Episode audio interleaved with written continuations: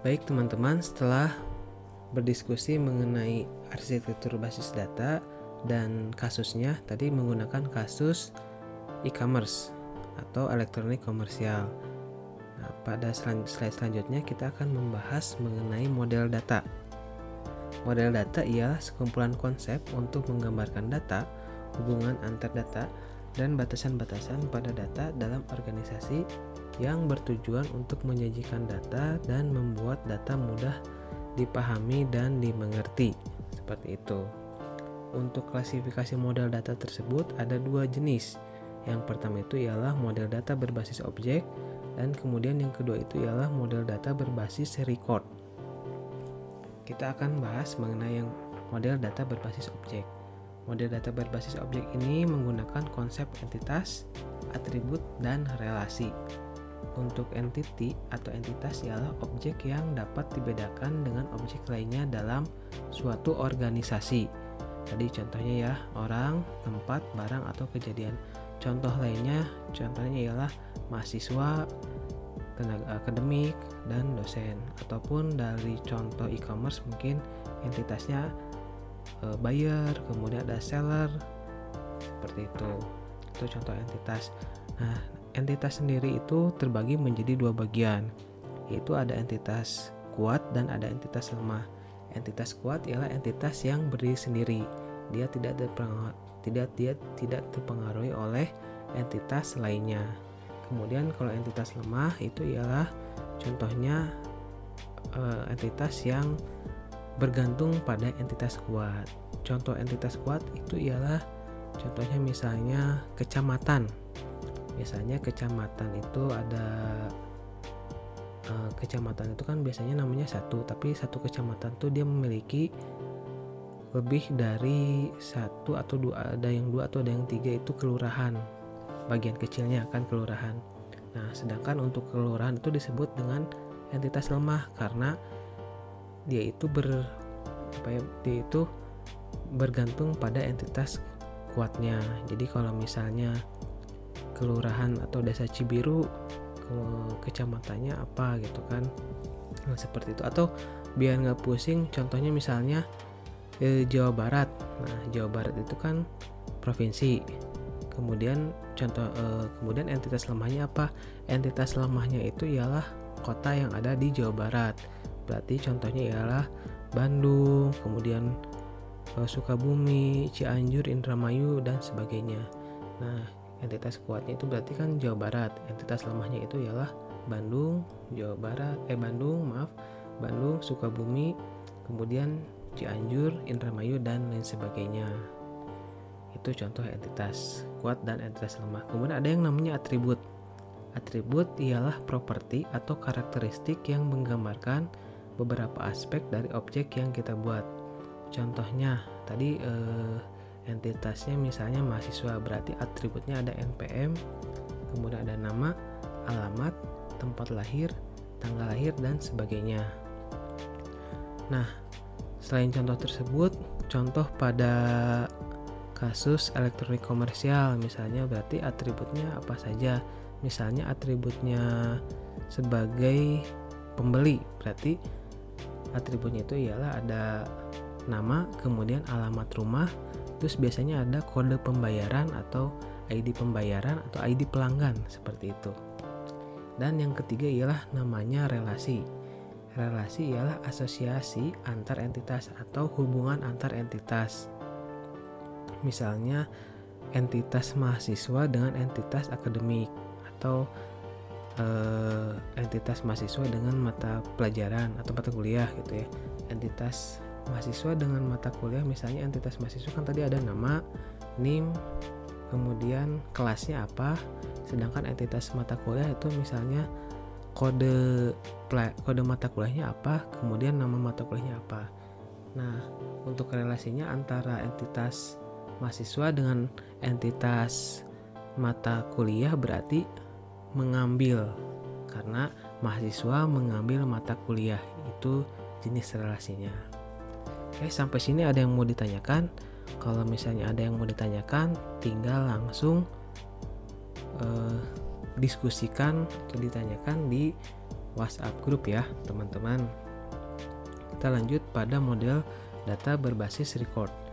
Basis data record ini terdiri sejumlah record dengan format tetap dari jenis-jenis yang berbeda. Setiap record menentukan jumlah field di mana masing-masing memiliki panjang tetap.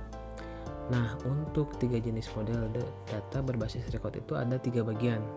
Yang pertama itu ya model database jaringan atau network database model. Model database jaringan ini dibagi menjadi eh, set-set uh, suatu data. Gitu. Jadi dibagi-bagi data pertama, data kedua, dan data ketiga. Itu contohnya dibagi-bagi per set namanya. Kemudian ada yang kedua itu model basis data hierarki atau hierarchical database model. Sebelum saya menjelaskan mengenai model database hierarki, sebetulnya teman-teman mungkin ada yang sudah belajar di di mata kuliah matematika ataupun di struktur data ya. Mudah-mudahan ada, tapi kalau misalnya ada yang belum ada mengenai hierarki, eh, saya akan sediakan link video untuk pembelajarannya atau fundamentalnya. Nah, salah satu database hierarki ialah model tree atau pohon. Nah, model tree ini dia bersusun mulai dari atas, kemudian atasnya itu misalnya root itu dia mempunyai anak, anaknya kemudian dia mempunyai cucu atau biasanya kalau pohon itu kan pohon tapi bentuknya itu terbalik. Nah, pohonnya itu yang pertama dia mempunyai uh, root, kemudian dia pasti mempunyai anaknya dan yang paling terakhir dia tuh memiliki daun. Atau kalau misalnya manusia sih orang tua anaknya dan kemudian cucu lah. Lebih mudahnya sih seperti itu. Nah untuk contoh tree sendiri saya akan kasih linknya link YouTube untuk dipelajari bagian fundamentalnya gitu ya Nah, kemudian ada yang ketiga itu model database relasi atau relation database model. Model database relasi ini ialah hubungan antar table atau antar entitasnya gitu. Misalnya entitas yang pertama dengan yang kedua itu hubungannya apa, kemudian entitas yang pertama dan yang ketiga itu hubungannya apa. Jadi kita bisa menggabungkan lebih dari dua table ataupun tiga tiga table gitu. Jadi hubungannya itu masuk ke dalam yang namanya transaksi. Nah, sampai sini ada yang mau tanyakan dulu. Kita lanjut ke pembahasan yang terakhir itu ialah komponen perangkat lunak DBMS. Nah, kita lihat pada slide terakhir itu ada 8 jenis komponen perangkat lunak. Nah, yang pertama ada yang namanya authorization control. Pada blok authorization control ialah modul yang memeriksa apakah pemakai mempunyai wewenang untuk menyelesaikan operasi. Atau contohnya mungkin nanti teman-teman juga mengenal yang namanya privilege user atau hak akses dari masing-masing entitas. Tadi contohnya kan mahasiswa dia hanya bisa mengakses dirinya sendiri. Dia tidak bisa melihat data mahasiswa lain. Itu contohnya hak akses. Tapi untuk bagian akademik akademik bisa melihat semua data mahasiswa. Seperti itu, itu contohnya hak akses. Kemudian yang kedua ada yang namanya comment processor. Comment processor ialah memeriksa apakah user mempunyai wewenang dalam menyelesaikan operasi. Wewenang di sini maksudnya apakah user dapat merubah satu data atau menambahkan suatu data. Kemudian yang ketiga itu ada yang namanya integrity check itu semua operasi yang berhubungan dengan basis data, integrity checker memeriksa operasi yang diminta memerlukan batasan integritas seperti itu. Kemudian ada yang namanya yang keempat ialah query optimizer.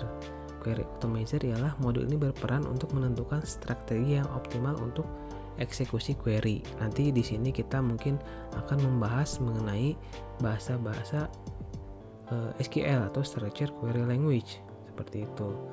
Kemudian ada yang namanya Transaction Manager. Modul ini berperan mengerjakan proses-proses yang dibutuhkan operasi yang diterima transaksi. Kemudian yang ke 6 ada yang namanya schedule. Modul ini berperan bertanggung jawab dalam menjamin operasi secara bersamaan terhadap basis data sehingga berjalan tanpa ada masalah antara satu dengan yang lainnya. Kemudian Recovery Manager. Modul ini berfungsi untuk menjamin basis data tetap konsisten walaupun terjadi ada masalah ataupun kerusakan. Jadi biasanya kita kalau misalnya mengkrit suatu data ada backup namanya. Nah, backup tersebut bisa dipanggil kembali atau namanya di recovery datanya. Seperti itu. Kemudian buffer manager. Buffer manager ialah modul yang bertanggung jawab terhadap pemindahan data antara memori dan secondary storage. Contohnya mungkin uh, disk, kemudian hard disk ataupun ya kita kenal storage ada hard disk ataupun SSD ataupun flash disk juga bisa gitu ya pemindahan data memori gitu ya. Nah mungkin untuk perkuliahan hari ini kita cukupkan sampai sini. Nah untuk sisanya kita akan melakukan diskusi. Jika ada pertanyaan silahkan teman-teman diskusikan di grup WhatsApp. Seperti itu. Demikian perkuliahan kali ini mudah-mudahan dapat dipahami, mudah-mudahan dapat dimengerti dan dapat diimplementasikan pada dunia nyata. Seperti itu. Terima kasih teman-teman. Assalamualaikum warahmatullahi wabarakatuh. Tetap semangat pagi.